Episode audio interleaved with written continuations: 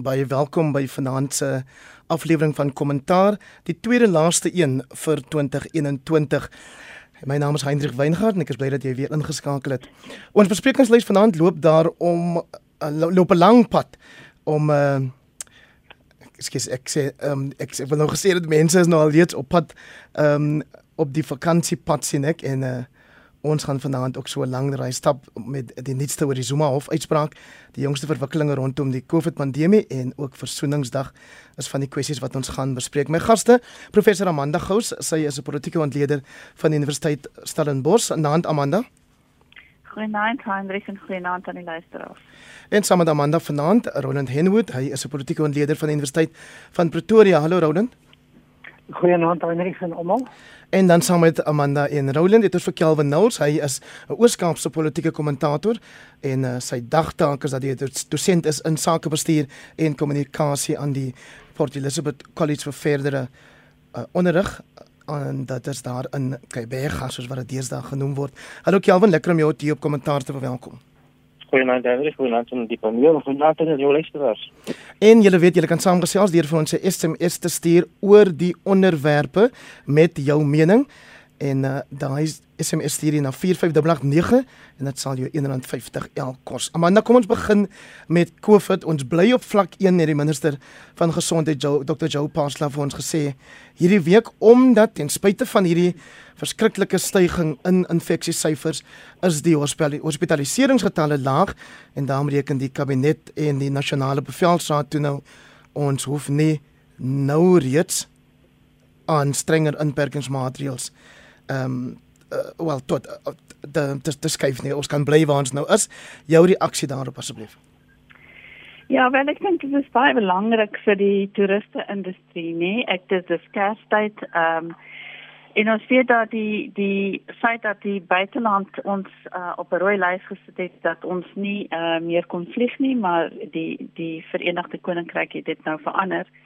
Ehm um, is is belangrik vir die vir die vir toerisme So waarop ons staat met maak is basies die binnelandse toeriste, mense wat tussen provinsies beweeg en ek dink dit is uh, belangrik dis dat die die interprovinsiale uh, reis toegelaat word.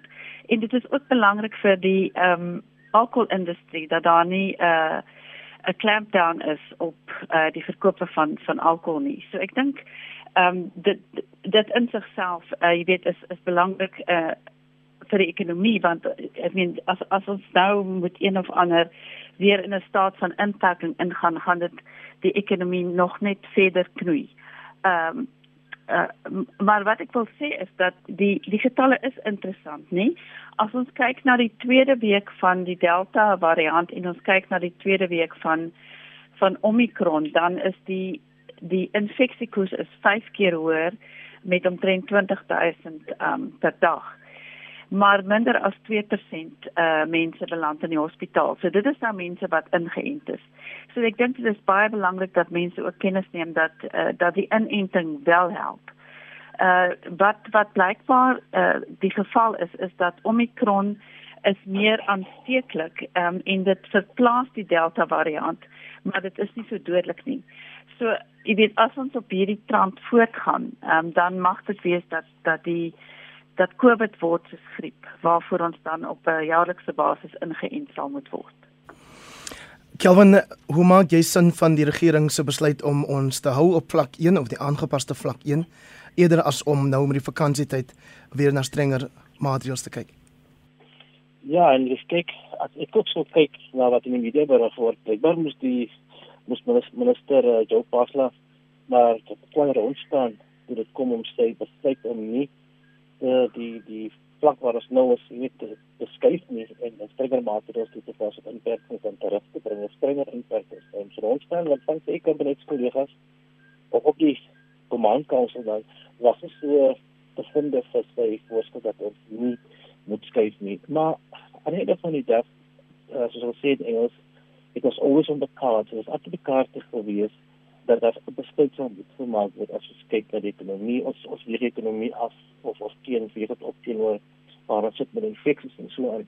Ek wil ook net noem dat uh, hierdie variant wat ons nou het, ehm um, kyk dat ons dit skuld, dis nie die groot prentjie uit die uit die hoog verloor nie. daar is nou wel natuurlik data wat vir ons wys dat sou 'n mens gevaksinneer is, dan dan is ook kans om gehospitaliseer te word minder en, en dit dit op self as 'n as baie goeie teken want nou sit ons met die situasie waar die hospitale nie so belas gaan word nie veral in hierdie feestyd nie. So dis 'n goeie ding. As ons kyk ook byvoorbeeld na die Discovery verslag wat ek op gelees het, hulle sê dat as ons kyk na verlede jaar, tot 2020 toe in Junie, Julie, ek die tweede vlag ja.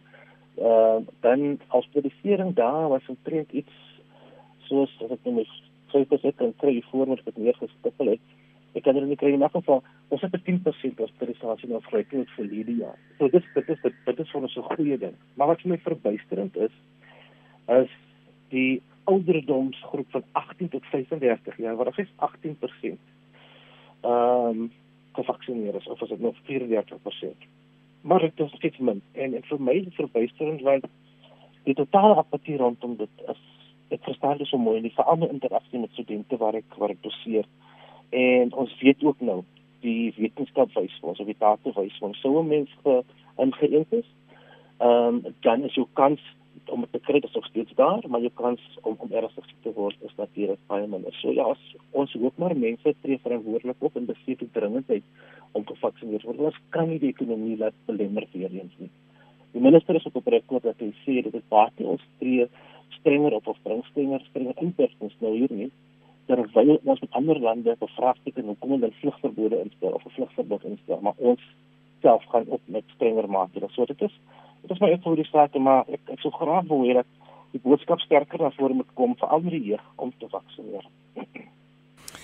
Want is dan nie 'n gevaar daarin Roland as ons vertel word aan die een kant dis hierdie nuwe variant Omicron wat baie vinniger versprei maar jou darm nie so siek maak soos Delta en die ander wat ons voorheen van gehoor het nie. En dan sê mense ja, en daar's die president.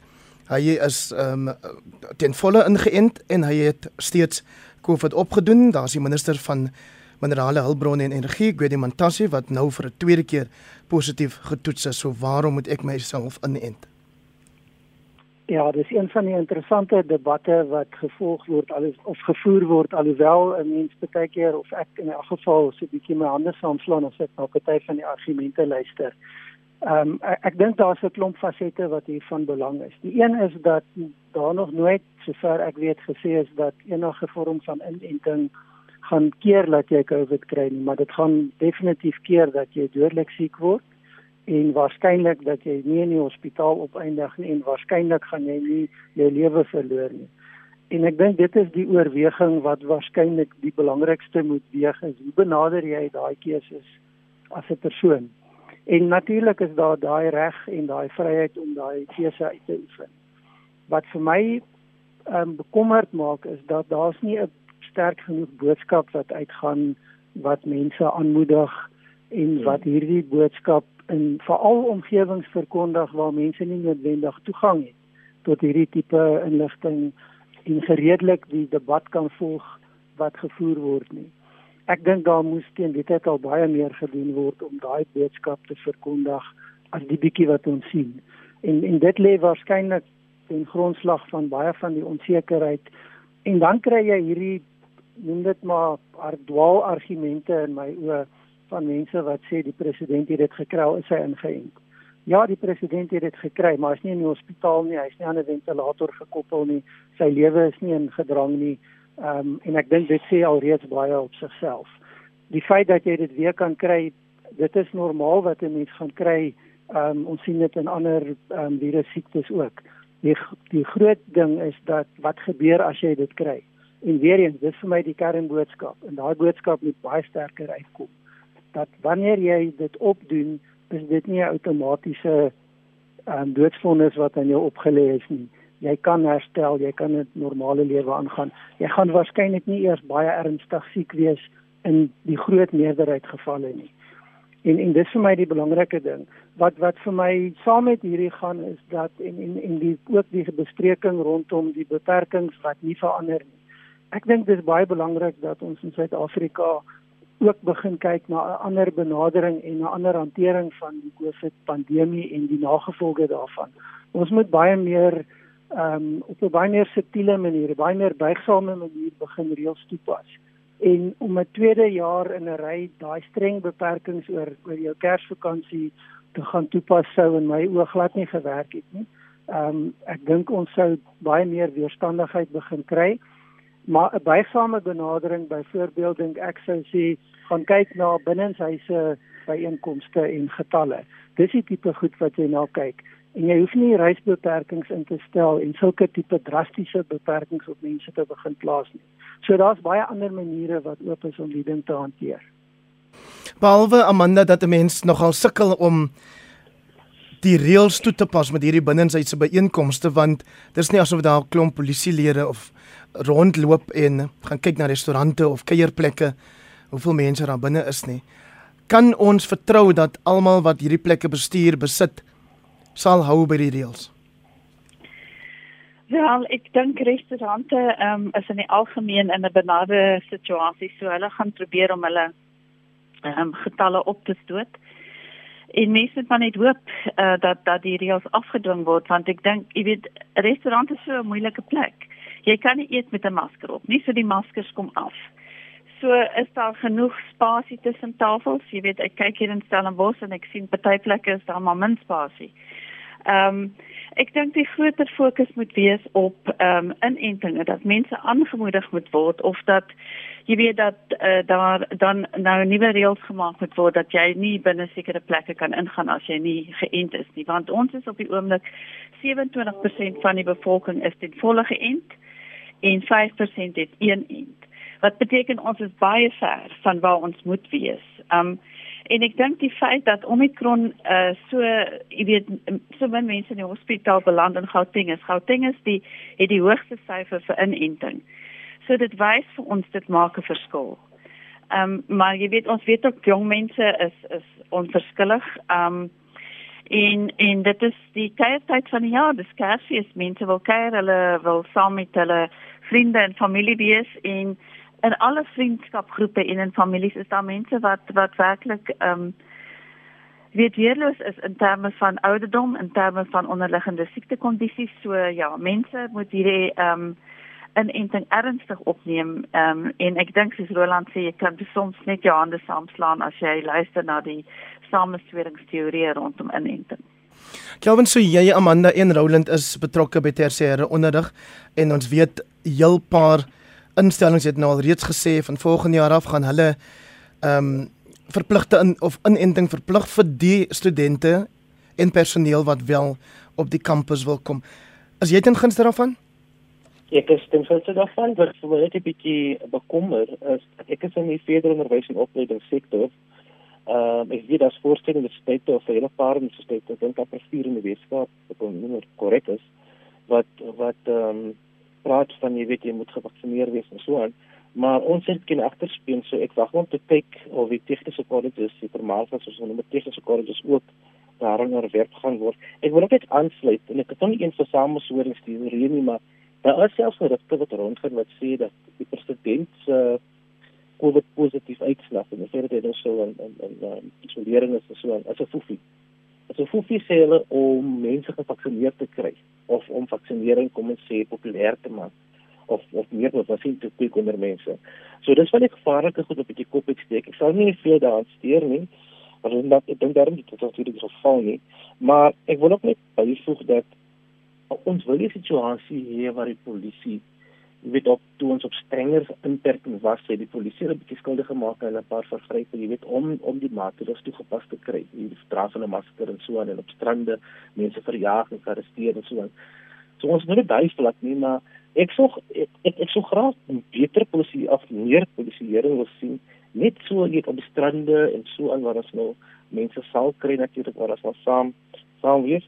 En dan en dan kom dit maniere op 'n goeie trou wat van van restauranteienaars of besigheidseienaars in die publiek wat ons hoop maar wanneer daar nou byeenkomste is ons weet ook uit vorige ondervindinge met ander variante veral dat dat hierdie dat dit dat die inkomste jy weet met met 'n groot aantal mense 750 nou toegelaat binne sy byeenkomste getal as ons nog steeds 'n bietjie kom ek bietjie kom oorweeg dit is bietjie baie en ons weet dit het dit het potensiaal om om om 'n super verspreiders te word so ons hoop maar en ons makker staat soos professor Gou sê, jy weet ons hoop maar die mense besef dat hulle moet ingeënt word ons moet hierdie maatreëls navolg. Roland, Roland dit sou seker nooit maklik wees om die kerk en die kuierplek tevrede te hou nie want albei soek getalle. En albei het getalle nodig. So dit is belangrik dat 'n mens daai balans gaan kry. Ek ek dink een van die aspekte, uh, mens praat nou oor polisieering en regulasies, maar waarskynlik nog steeds die belangrikste element hier is die verantwoordelikheid van elke persoon. En ek weet dit is problematies, dis hoogs idealisties, maar dit bly waarskynlik die basis waarop mens 'n omgewing en omstandighede soos wat ons nou na kyk moet benader. En dit is daai verantwoordelikheid vir verantwoordelikheid, nie net teenoor myself nie. Dis die belangrike punt.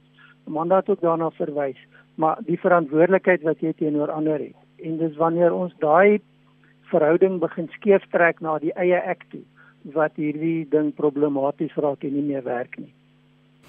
Amanda 'n verwikkeling wat ons almal sekerlik behoort te bekommer is die dat ons ek het vandag dit op 'n televisiekanaal gehoor dat Suid-Afrikaanse wetenskaplikes nou gedreig word want hulle het nou met hierdie Omicron uh variant uh die geïdentifiseer en in in in die wetenskaplikes moet nou pa staan daarvoor en daar's 'n klomp mense lyk like dit my wat wat dink hulle raak dan nou die vyand. Ja, wel ek weet dit is dit is baie duidelik dat hierdie variant uh, in die hele wêreld reeds uh, aanwesig was dat ons hom net geïdentifiseer het en en ons betaal nou 'n prys daarvoor. Uh, maar jy weet dis is om die boodskappe te skiet. Uh dit is baie beter dat ons weet hierdie variant bestaan dat ons weet hoe hy uh, weet versprei en en en hoe dodelik hy is. So ek verstaan nie mense wat wat dreig nie. Jy weet, ek dink as die dreigemente gaan natuurlik oor die feit dat as ons stil gebly het, sou ons miskien nie op die rooi lys gewees het en mense sou kon reis en weet baie mense het uh, het, het uitgesien daarna om om uh, familie oor see te sien en so aan. Maar dit gaan nie help om die boodskappe te skiet nie. Die die jy weet, dit is die realiteit van die situasie. Daar gaan uh, nog 'n variant wees. Uh oor 'n paar maande of so is daar 'n nuwe variant dit so tot hierdie ding homself uitgewoed het is dit hoe dit gaan en die wetenskaplikes moet hierdie werk doen. Uh jy weet dit is wat hulle doen en dit is baie beter om om dit vroegtydig te identifiseer uh as om te wag tot ons almal half dood is van 'n van 'n nuwe variant en dan te sê o ja maar ons het nou iets nuuts ontdek. So jy weet ek weet nie wie die mense is wat dreig nie maar dit is my bietjie gek. Kelvin, daar's ook die vraag oor hoe die media sy rol moet vertolk in hoe daar berig word oor die aan die een kant 'n toename in die infeksiegetalle sonder dat jy aan die ander kant vrees aanblaas? Of hoe maak jy seker dat jou teiken gehoor steeds die erns besef van die pandemie, selfs al klink dit bietjie verwarrend soms as die minister sê daar was 'n skerp stygings in infeksiegetalle en maar ons hou die inperkingsmaatreëls op vlak 1. Ja, die media die met 'n belangrike rol om te speel. Ehm um, onthou, nie net moet hy 'n bewusmakingsrol speel nie, weet om mense bewus te maak van dit is nou die nuwe variant wat dit is nie wat dit behels nie en, en so aan nie. Maar aan die ander kant is hy ook verantwoordelik om feite op die tafel te lê en as van die feite byvoorbeeld sou wees en dit sê ek is sommer onder hierdie variant sou dit nou sou wees en dit is natuurlik gelukkig nie die geval nie dat uh dat 'n dodelike virus is of dodelike variant is of meer dodeliker as Beta en Delta dan sou dit ook moes doen. En dan on, uh, ongetwyfeld sou 'n mate van paniek gewees het. So gebalanseerde en genuanceerde beriggewing is belangrik om nie paniek te saai nie. En die media moet reg na vore tree. Ek weet hulle doen dit uh alreeds om om om reg mense oortaal um, om om om meer ingeënt te word om om om die feite veral die wetenskap daar daarop voor te stel want so maklik op sosiale media val en veral met hierdie fake news wat wat oral kop uitsteek en wat nou al 'n rang ruk omdat ons vanaf jy weet internet natuurlik weet ons is as as al hierdie samesworingsteorieë dat dat ons gaan met 3 jaar sterf as ons nou nie ge, ge, ge, gevaksinneer is byvoorbeeld dis so die media moet met regtig 'n leidende rol speel om om regtig hierdie wat nog bietjie op die rand staan of fucking weeg of hulle moet die stap doen om te vaksineer om hulle bietjie oor te haal en ja, so dit is dit is my vir die media so eintlik. Iemand skryf op die SMS lyn stop die vrees, stop die vaksines. Hierdie is geensins 'n virus waarvoor mense 'n vaksin moes gebruik nie. Almal se immuunstelsels is sterker as hierdie eksperimentele vaksin wat in elk geval nie 'n vaksin is nie. Julle is nie wetenskaplikes nie, hou liewer op praat daaroor en asseblief die masker het nog nooit gehelp behalwe in 'n geval waar baie siek persoon hom op die straat waag nie. Iemand anders skryf onkinders die dis Isak onkinders die gevaarlikste posisie om in te wees vir gewis julle van die feite dis nie 'n pandemie of 'n enstof nie. En dan Annelien wat sê mense moet geleer word hoe om 'n masker te hanteer want dit vang al die virusse op. Laaste vraag aan jou oor hierdie onderwerp Amanda. Ehm um, oh, ekskuus Kelvin. Nee. Ja. Nee nee, dit moet Roland hierdie keer wees. Roland, eh, ek het nie geweet of mense mag lag daaroor dat Duitsland nou die die nuutste Europese land is wat 'n reisverbod teen Brittanje ingestel het nie. Ja, dit is interessant as mens kyk wat in Europa gebeur, dan lyk dit asof die benadering is baie ehm um, dubbelsinnig in die sin dat daar die hele tyd onderhandel word en ooreengekom word en dan elke keer wanneer iets gebeur dan word grense gesluit. Ehm um, die Franse het dit gedoen, die Nederlanders doen dit van vanaand af, die Duitsers doen dit. En dit word teenoor die Britte gedoen want dit word nou gesien as die voor die grootste bron wat wat dit invoer maar soos wat mense gesien het dis te laat dit is klaar versprei dit versprei baie vinnig in Duitsland en ek weet nie heeltemal of dit die manier is om dit te hanteer of dit enigstens gaan help nie ehm um, dan is daar die ander dimensie natuurlik en en dit is die goed wat mense versigtig na moet gaan kyk wat jy van buite af kyk en en en dit lyk tog asof daar sekere aanduidings is dat die patroon van van ehm um, verspreiding en die effek wat dit het, het nie oral heeltemal dieselfde is nie. Ehm um, ek wil my nie uitlaat op 'n terrein wat nie my kundigheid is nie, maar dit lyk tog asof daar bepaalde verskille is. En en dit is waarskynlik waarom mense hierdie tipe reaksies kry en die hantering kry. Ek dink 'n aspek wat in Duitsland natuurlik ook 'n rol kan speel is dat jy sit met 'n nuwe regering wat nie kyk wat nog nie heeltemal gevestig is nie en wat waarskynlik beleef hulle baie meer druk en voel hulle moet baie meer um, daadwerklik optree om te hanteer wat besig is om te gebeur. Roland Henwood is 'n politieke ontleder van die Universiteit van Pretoria en hy is vanaand saam met professor Amanda Gous van die Universiteit van Stellenbosch en Kelvin Knowles van eh, die Port Elizabeth College vir verdere onderwys. My gaste hier op kommentaar. Die nommer waarna jy vir ons 'n SMS kan stuur met jou mening oor ons onderwerpe is 45889 dit kos jou 150 elk. Kom ons gaan nou Amanda na die kwessie van Jacob Zuma se mediese parol. Um ek het die ander dag het ons in die nuuskantoor daar by Monitor en in in Spectrum um 'n gesprek gevoer oor of 'n mens nog na Zuma as oud president Zuma moet verwys of is dit nie is dit is dit 'n is dit 'n titel is dit 'n um of is dit net 'n manier om te verwys na hom as synde die voorganger van die huidige want ek dog as 'n ou as 'n ou tronk toe is dan verloor jy jou jou meneer of dokter titel of ek weet nie hoe werk dit nie. nee, so so dink nee. Ehm um, wel ek, ek dit is 'n titel, maar ek dink dit is 'n titel wat hy verdien nie so. So regter Elias Motojani daar aan die Pretoria Hooggeregshof het hierdie week gesê Arthur Fraser het geen reg gehad om mediese parol aan Zuma toe te ken nie. Hy moet terugtronk toe en die res van daai 15 maande tronkstraf gaan uitdien en dit is natuurlik nie goed ontvang deur Zuma ondersteuners nie.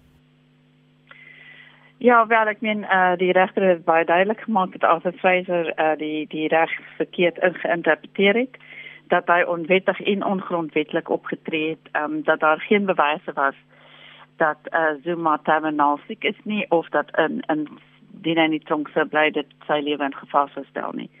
Ehm um, so jy weet en en natuurlik wat wat Zuma uh, die Zuma faksie nou sê is dat die regter ken nie die reg nie. En ons sien nou maar weer die Stalingrad uh, strategie dat dat, dat hy nou gaan appeleer daarteen en as hy nou nie by die volgende vlak van die hof uh, enige vreugde kry nie dan sal ons seker weer gaan tot by die grondwetlike hof alhoewel die grondwetlike hof hom die tronkstraf opgelê het. So dit is eintlik 'n baie uh ongure situasie wat wat ons hier het maar ons het jy weet ons kan niks anders van Zuma verwag nie en solank as wat die hofbevel uh bly uh dan uh hoef, hoef Zuma nie terug te gaan tronk toe nie en dit mag so lank uitgestel wees op die proses kan so lank aangaan dat hy vir daai 15 maande wat hy in die tronk sou moes wees dat dit dan verbygaan. So die Stalingrad strategie werk altyd in sy guns. Maar dis nie noodwendig Kelvin verkeerd dat iemand in sy posisie, Zuma se posisie, wel na die hof gaan en ook die reg gebruik om appel aan te teken soos wat hy nou inderdaad doen en dit sal Dinsdag aangehoor word. Ja, nou die die so iemand om op die, om op die op die hof te behaal uh, of of staat te maak hoor was natuurlik almal se reg en uh, dan sê hulle ook ons ons is onskuldig tot ons andersins andersins bewys is maar weet nie so mas geval as hy as hy skuldig bevind nog nie korrupsie aanklagte teen hom nie maar hy het wel natuurlik gevind op die feit dat hy die die opstel om te verskyn voor die sonderkommissie vir hom te uh, vir hom afstaan het. So, ja nee, hy het natuurlik volle reg om dit te doen.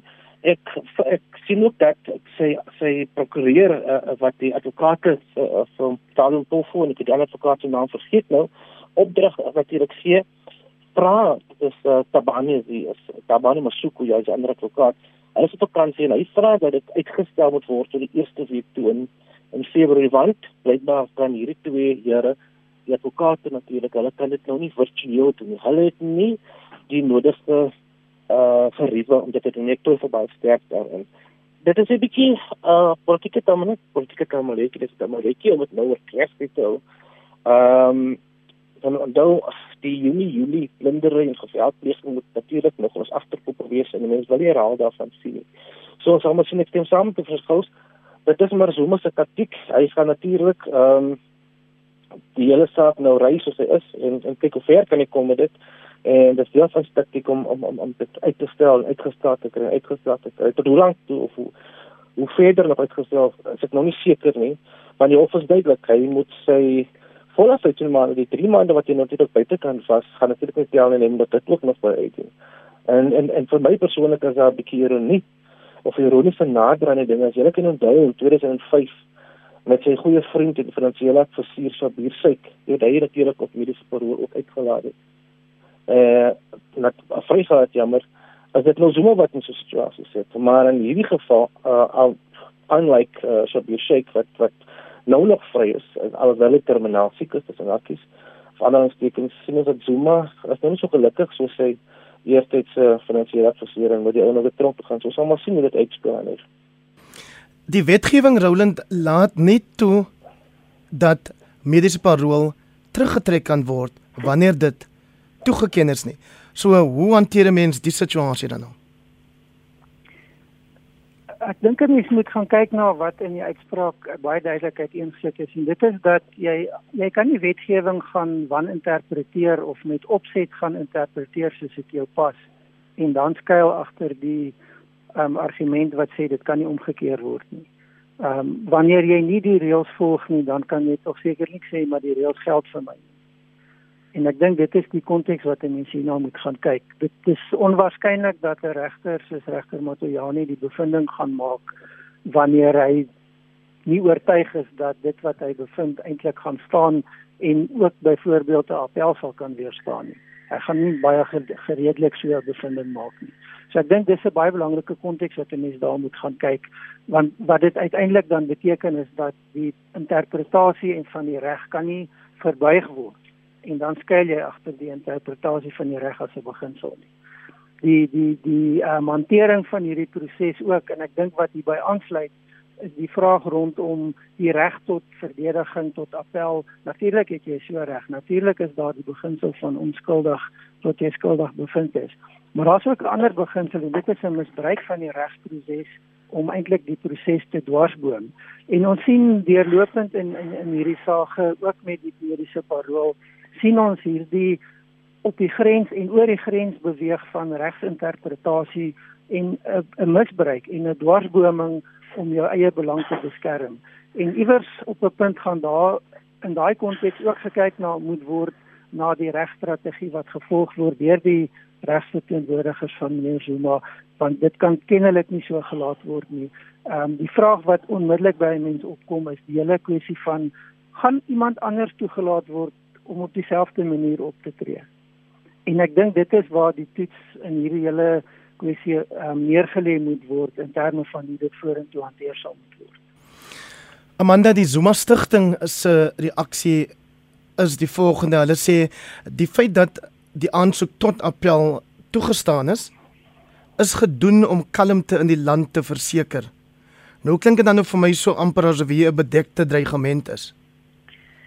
Ja, wel ek dink dit uh, dit dit dit vat ons terug na wat in Julie gebeur het en die verskriklike ehm um, impak wat die die opstande gehad het op die ekonomie en so aan. So ek ek sien dit ook as 'n bedekte dreigement ehm um, in die sin dat jy weet as as daar nou aangedring word dat Zuma nou vir al in hierdie feestyd moet terug gaan tronk toe en um, dan moet die land nou maar weer onregeerbaar gemaak word. En en dis 'n onhoudbare situasie met Zuma. Ehm um, want hy het sy ondersteuners en hy het ehm um, ook uh, die die Zuma faksie in die Zuma stigting wat hom beskerm. So uh en ek dink daar is 'n ehm um, 'n uh, onderliggende vrees ook by die by die Ramaphosa uh, faksie maar ook in die in die ANC dat dit weer kan lei tot allerlei ehm um, opstande wat wat die ekonomie nog verder kan knoei. Want so bring hierdie situasie ook vir die ANC 'n nuwe tamaletjie. Kelvin die ANC in KwaZulu-Natal, die wil hê dat die nasionale uitvoerende komitee Zuma se appel moet steun. Ja. Ja. Ja, ja, luister. Kom maar voor, Andrew. Nee nee, ek wil weet wat jy daarvan dink. Ja, die ANC en die en die KwaZulu-Natal het ehm um, verstaan ek ja, wil graag hê dat dat eh uh, die ANC nasionaal nasionaal voerende komitee moet met pel steun.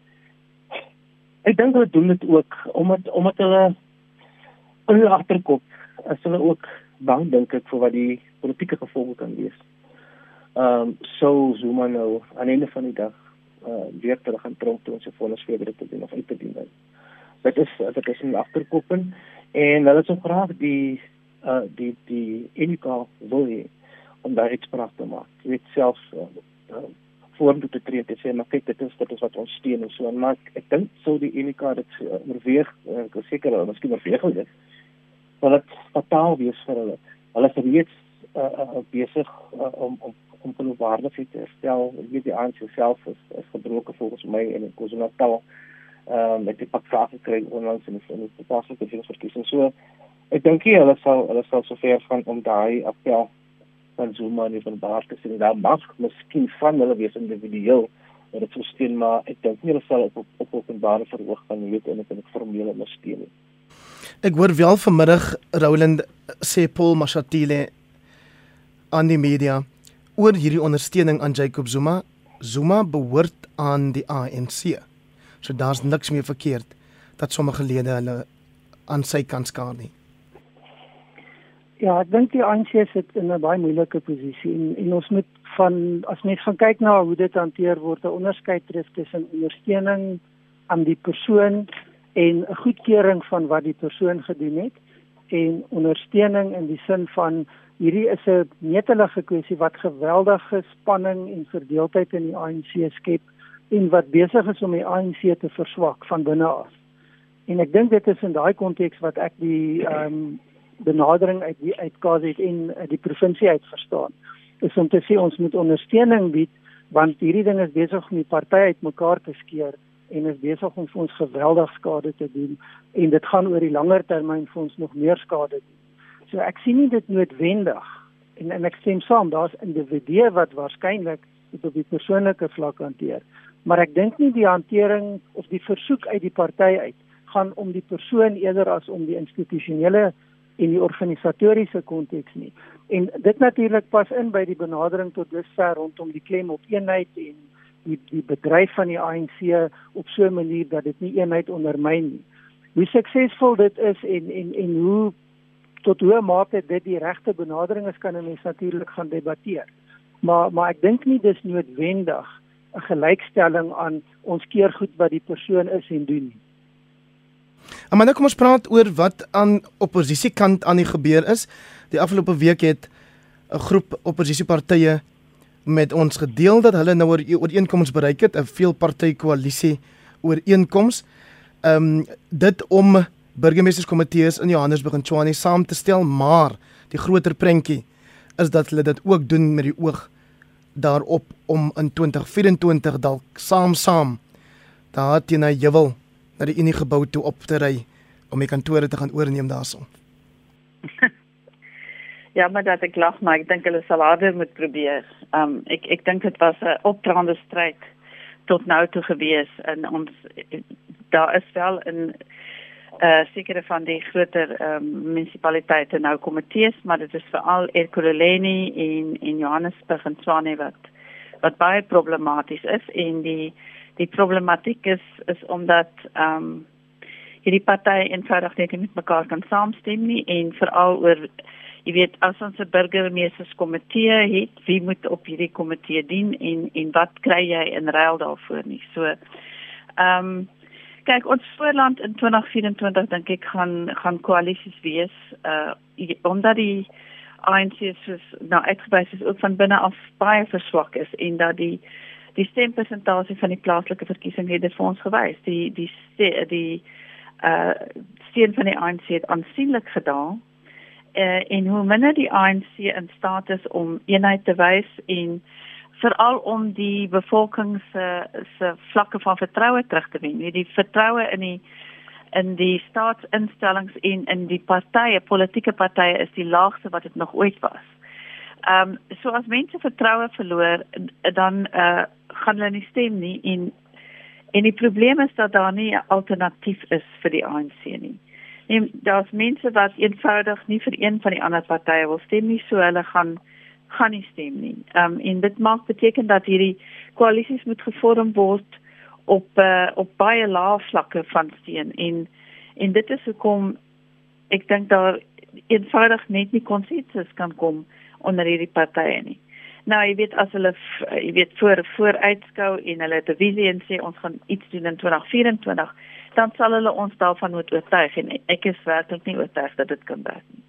Is dit nie vir jou ook ironies Kelvin dat die ja. DA in hulle veld tog eh, veel te sê gehad oor die sogenaamde vermorsing van stemme op klein partye en dat dit nou die verteenwoordiger van 'n sogenaamde klein party is Dr Corneil Mulder wat hierdie ooreenkoms um, effektiewelik um, moontlik gemaak het um, as die voorsteur van van die komitee wat het, wat het, um, wat daaroor moes onderhandel.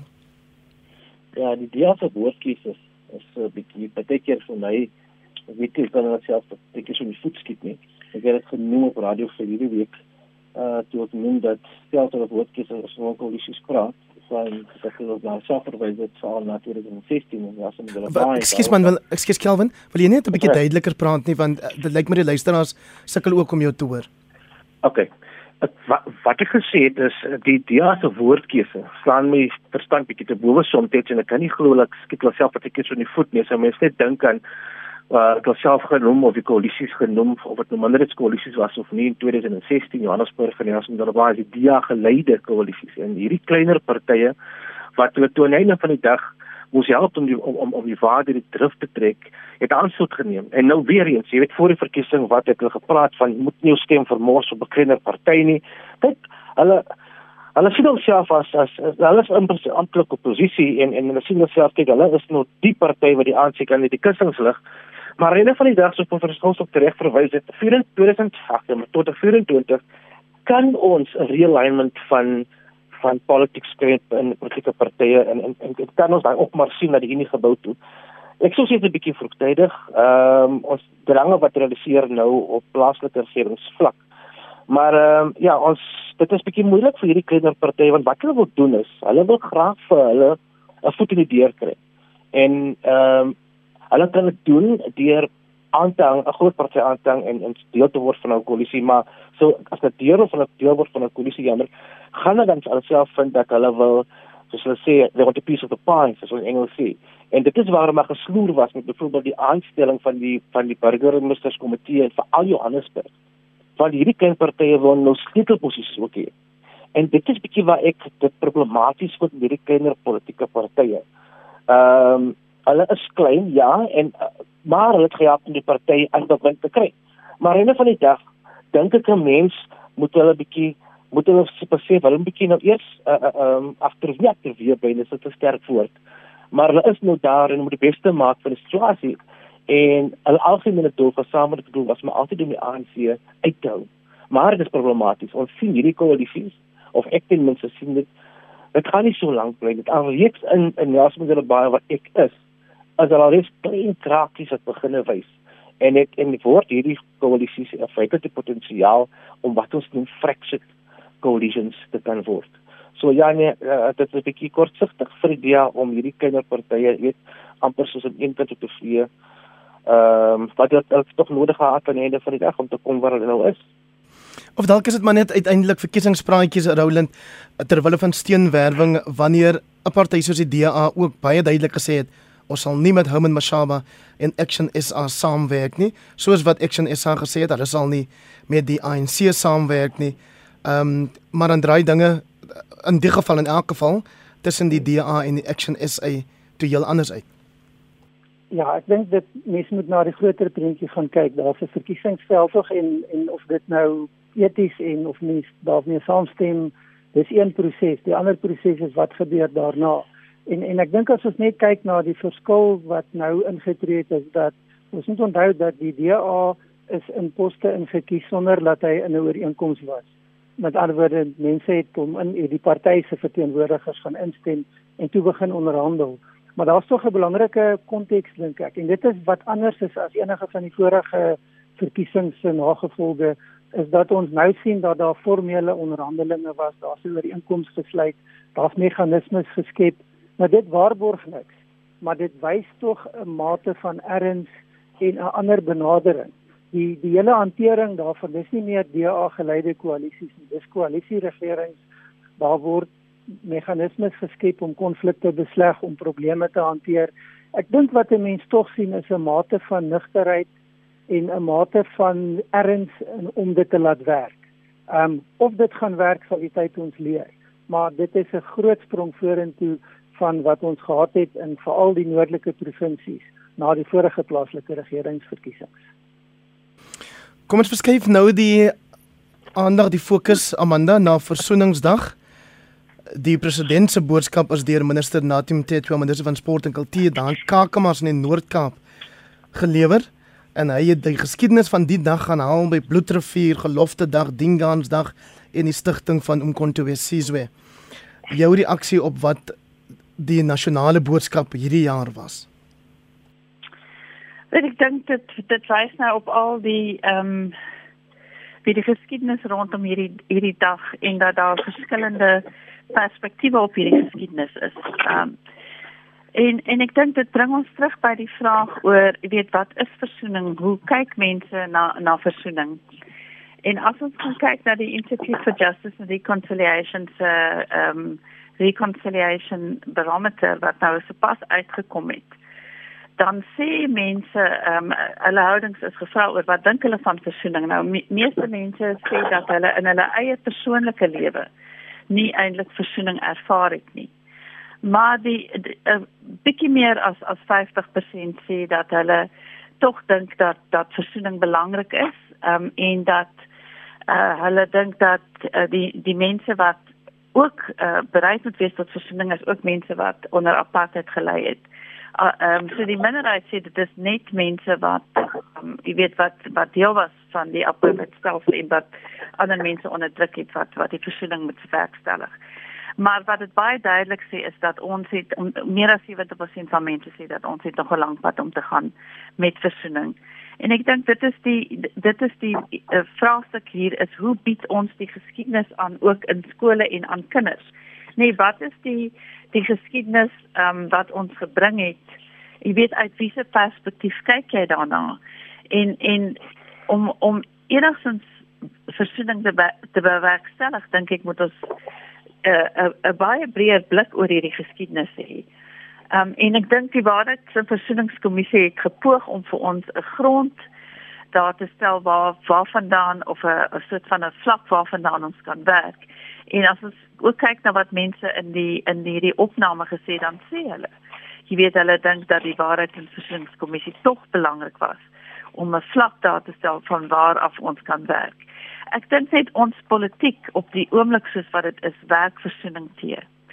Daar is te veel, jy weet, fokus op uh in in on, die die feit dat daar soveel korrupsie in die staat is, jy weet, en, en dat mense se lewens nie verander het nie. Hulle hulle sosio-ekonomiese omstandighede het werklik nie verander nie. Dis 'n dis 'n swart elite se omstandighede wat verander het. En dit dit dra nie by tot versoening nie. Kelvin 'n ander peiling of opname die deur die Instituut vir Rasseverhoudinge wys daarop dat wit burgers sê hulle ervaar deesdae meer diskriminasie of rasisme. Ja, kyk, ehm um, ek wil saamstem met die professor dat dat sê noem dat ehm um, ons politieke vergrype wat ons nou beter in die land het, dalk nie veel nie. Op die stelsel jammer werk hierdie versoening teer. En eh uh, ja, dit is so aan die einde van die dag 'n 'n klassiekere wetgewing. Ons ons dink met byvoorbeeld aan swart ekonomiese bemagtiging, ons dink aan uh, employment equity ehm um, wat wat natuurlik daarop daarop uit is om om om om mense wat natuurlik voor die benadeel was gelukkig geleentheid te gee in die, die werkplek en en so en voor in besighede ook. Maar maar wat is die flipside van die coin? Die flipside van die coin is twee vrae wat vir my na vore tree. Een is hoe lank gaan dit aanhou? En twee, ehm um, is dit maar net 'n 'n politieke plooi, so sê nie ons van die regerende party, jy weet, om sy kiesers basis te vul te hou. Uh dit is 'n jammerte want daar's gemeenskappe wat dit ook verdien, wat ook voorin benader. Ons dink veral in die breingemeenskap, daar is nog baie ernstige issues van marginalisering as dit kom by 'n diensneming. Ons sien dit nie net noodwendig uh op op op kom ons sê voetsool uh vlak nie, maar ook in topregeringsposte. So daar is 'n mate van hulpeloosheid. Nie net met bevolking as dit kom by by kom ons sê regeringspraktyke en diensnemingspraktyke. So dat ja, dit is so dat die die ANC en as die as die regerende party vir my dit is natuurlik net sê werk alleen om versoening mee te bring dit is elkeen sinne en ek is 'n voormalige in die vorige lewe was ek 'n geskiedenisonderwyser en ek onthou toe gestudeer het was daar 'n geskiedenis professor wat handboeke geskryf het en hy het vir ons gestaan in die klas en gesê hy steek sy hand op hy was deel van hierdie wat wat gesê was om die geskiedenis uh anders te skryf. Jy weet waar mense as lei en barbaars uitgebeeld was. So jy so ek het myself opgeneem ek, ek gaan 'n ander geskiedenis verstel. So hang van ons ook af aan die einde van die dag. Maar onthou mense kan dit so vir jou hand uitreik. En as daar stelsels is of of of, of daar is daar is dinge wat daai hand van jou wat jy uittrek wegkap, dan dan dan gaan jy terna voel nie maar jy gaan nie jou kan bring alleen nie. Behalwe die politiek aan die ander kant, is daar arrogansie onder onder mense as dit kom by uit, as dit kom by versoening ook. So ek dink nie regtig ons beweeg voor. Ons het natuurlik strides gemaak maar vir 5 tree voor toe geen so 2 of 1 en 'n half agteruit voor die Kaapstad. Roland toe Calvin nou sê daar is die vraag hoe lank moet bemagtiging nog aanhou? Toe laat dit my dink aan een van die liedjies op Koos kom by se Bloedrivier album. Die sê hoe lank moet ons nog sorry sê? Hoe lank moet ons nog voete was? Wat sê jy?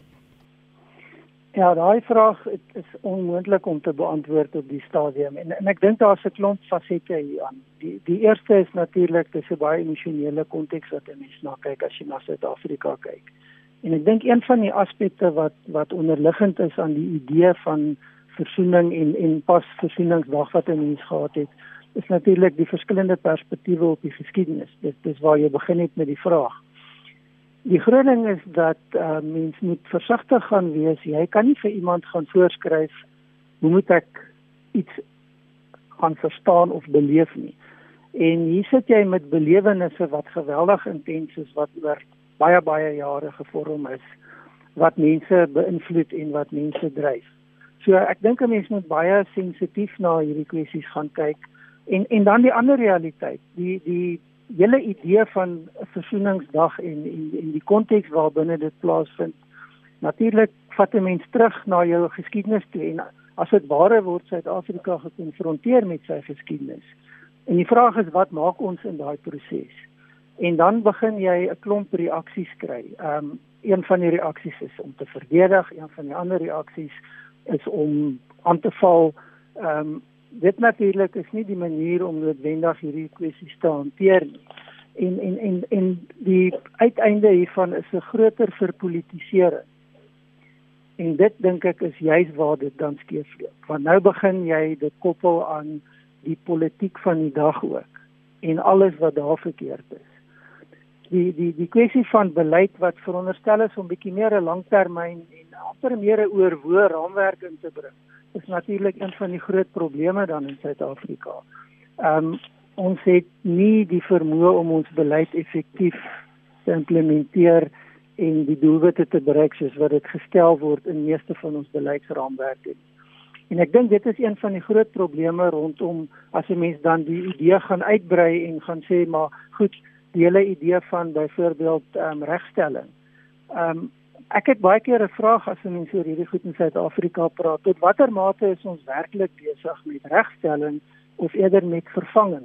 En vervanging baie keer op 'n baie kriem manier waar dit gaan oor eie belange van spesifieke elites. As ons nie by hierdie punte gaan begin verbykom nie, gaan hierdie debat waarskynlik nie in ons leeftyd afgesluit kan word of enigsins veel vordering gaan toon nie. En en ek is jammer om dit te sê want dit is 'n dis eintlik 'n groot klad op ons naam, maar dit is een van die groot kwessies wat hanteer sal moet word. Amanda is 'n boodskap van Andre van Oos-London wat sê julle praat oor versoening, maar julle bedoel eintlik vergelding. Hoe maak 'n mens seker dat ons ons eie geskiedenis aan ander verduidelik op 'n manier sonder dat daai persoon voel dis eintlik 'n manier om hom of haar aan te val of te beskuldig. Wel, ehm um, as ons gaan kyk na hierdie verskyn my hierdie uh, barometer dan het mense geen duidelikheid in hulle eie koppe oor wat versoening is nie. Party sê dis vergifnis, ander sê dis vrede, ander sê to make amends. Ehm um, so so dit is nie vir mense duidelik en en ek dink versoening is 'n baie moeilike konsep. En en dis wat Roland nou gesê het, hoe, hoe kyk ons na verskillende geskiedenisse nê en en hoe kom ons daarby uit dat baie mense dit nie sien as vergelding en ander mense dink dat hulle die hele tyd um, om verskoning moet vra nie. En ek dink nie ons doen genoeg nie en as ek sê ons dan bedoel ek die regering doen nie genoeg um, om eenvoudig net um, platforms daar te stel waarop mense kan praat nie. Ehm um, ek dink baie dikwels ehm um, is daar 'n hele klomp selfsensuur wat mense op hulle self alles wat mense op hulle self lê. Omdat hulle voel hulle wil nie in argumente betrokke raak wat wat wat gaan lei tot konfrontasie en wat gaan uh, mense posisioneer as die die onderdrukkers in die geskiedenis van die onderdrukkers nie. So dis baie problematies en daar was aan die einde van die waarheids- en versoeningskommissie weet was die verwagting geweest dat dit sal voortduur dat ons uh, op informele vlakke sal voortgaan om met mekaar te praat. Maar die manier waarop politiek dit self uitgespeel het in hierdie land, het dit nie gebeur nie en nou dink ek is daar 'n geweldige gaping tussen mense en veral mense almal van ons voel sterk oor ons geskiedenis. Jy weet, ehm um, en en ehm um, daar daar is behoefte om ook te kan sê maar jy weet dit dit was 'n geskiedenis. As ons kyk hoe baie keer geskiedenis eenvoudig nou uitgewis word. Deur standbeelde wat verwyder word, name wat verander word en so aan. Wat wat gedoen word in die naam van transformasie en dit is belangrik, maar dit wis definitief geskiedenis uit en dan begin mense voel asof hulle haweloos is wanneer dit kom by geskiedenis en ek dink dit is baie gevaarlik. En daarteenoor Kelvin slagoffers van apartheid wat nou wag dat die nasionale vervolgingsgesag die sogenaamde WVK sake moet afhandel ja. onder meer die oor die Credit 4. Ehm um, ja. ons het nog so 3 minute oor so ek wil nog vir Jankin van julle kans gee om 'n laaste opmerking te maak. Uh, jy eerste Kelvin? Ja, dat baie wat voel dat die die WVK uh, die op is, op die tyd toe die lewe geroep was, het hy werk gedoen het. Ehm uh, het hy gedien as hy pleister, jy weet wat die wonde maar 'n bietjie opgemaak het, maar dit ook sommer terselfdertyd 'n pleister geplak het, maar as dit 'n pleister is nie 'n antwoord vir 'n wenkie dit sweer vir 'n wond nie, maar dit sweer, dit sweer en ons sien nou in alle gevalle uh, met 'n hele paar gevalle byvoorbeeld dat baie mense baie oordeel sê dat gevaar dat mense gevaar ons sien dit veral met die Kradora 4 byvoorbeeld se se nagelatendes wat wat voel dat um, hierdie ding moet nou reg aangespreek word en so. So daar is mense wat voel dat reg en geregtigheid het nie geskied nie en, en en dit is waarom voorsiening voorsiening jammer nie heeltemal kan plaasvind nie. So uh, ons ons ons vind dit mense van ja nee kyk dat die WFK se werk is nog ongedaan. Nie ongedaan nie, jammer dit is onvoltooid en en, en, en ons sal moet sien dat vanuit sake moet moet afgehandel word sodat mense wat nog voel hulle hulle nog 'n ver pad moet stap met. Roland 'n kort opmerking oor hoe ons kan verseker dat ons minder van politici hoor as ons oor versoening praat en meer stemme uit die burgerlike uh, samelewing. Ek dink een van die groot kwessies is wat Amanda verwys het na die selfsensuur wat geplaas word, die die oorwoe en en die vertroue wat mense moet hê om sake van beginsel te kan hanteer. Ehm um, ons moet ophou om hierdie goed te vermeng met partytetiese kontekste en ideologiese kontekste. Ons gaan nooit vordering maak as ons dit doen nie. Maar dit is baie moeilik. Ehm um, wat dit vereis is dat 'n baie groter groep mense wat buite die politiek staan moet bereid wees om standpunt in te neem en oor hierdie kwessies te gaan praat en hierdie kwessies te hanteer soos wat dit ontwikkel. Dit kan nie oorgelaat word aan die hande van partytetiese nie. Ja. Amanda, laaste opmerking van jou? Ja, wel jy weet, ek dink ons um almal het die geskiedenis geërf, nie? Nie een van ons was betrokke by gelofte dag. Um toe die jy weet, dit plaasgevind het nie. Uh die die oorlog teen die teen die Zulus nie of die jy weet, die stigting van 'n konto wesies weet jy. Dit is almal wat ons het al hierdie geskiedenis geërf. So ons het almal uh ek dink 'n behoefte om te kan sê maar jy weet ons ons wil ook praat oor hoe ons hierdie geskiedenis geërf het en hoeveel keuses ons gehad het en wat met ons gebeur het, né? Um, en ek dink daar's net daai daai situasie word nie geskep waar mense eenvoudig kan praat oor hoe hoe hulle voel oor 'n geskiedenis wat hulle geërf het. Baie baie dankie daaraan professor Amanda Gous van die Universiteit Stellenbosch saam met haar vanaand hier op kommentaar Roland Henwood van die Universiteit van Pretoria en Kelvin Knowles van die Port Elizabeth College vir verdere onderwys. Baie dankie aan julle al drie vir julle deelname vanaand. Baie dankie. Baie dankie ook aan jou wat ingeskakel het, soos altyd. Ek waardeer dit en vir die van julle wat saamgesels het, ek waardeer dit ook.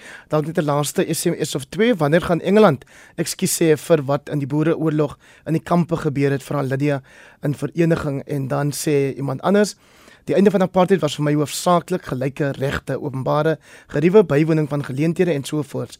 Ehm um, ja, dan van my kant af vanaand volgende week sal ek met 'n paneel praat oor die nuusjaar wat agter ons lê en ons sal die week daarna in die 2 Januarie se uitgawe van kommentaar sal ons praat oor die jaar wat voorlê. Dit sal ook weer 'n interessante bespreking wees want dit gaan 'n interessante politieke jaar wees veral met die ANC weer konferensie.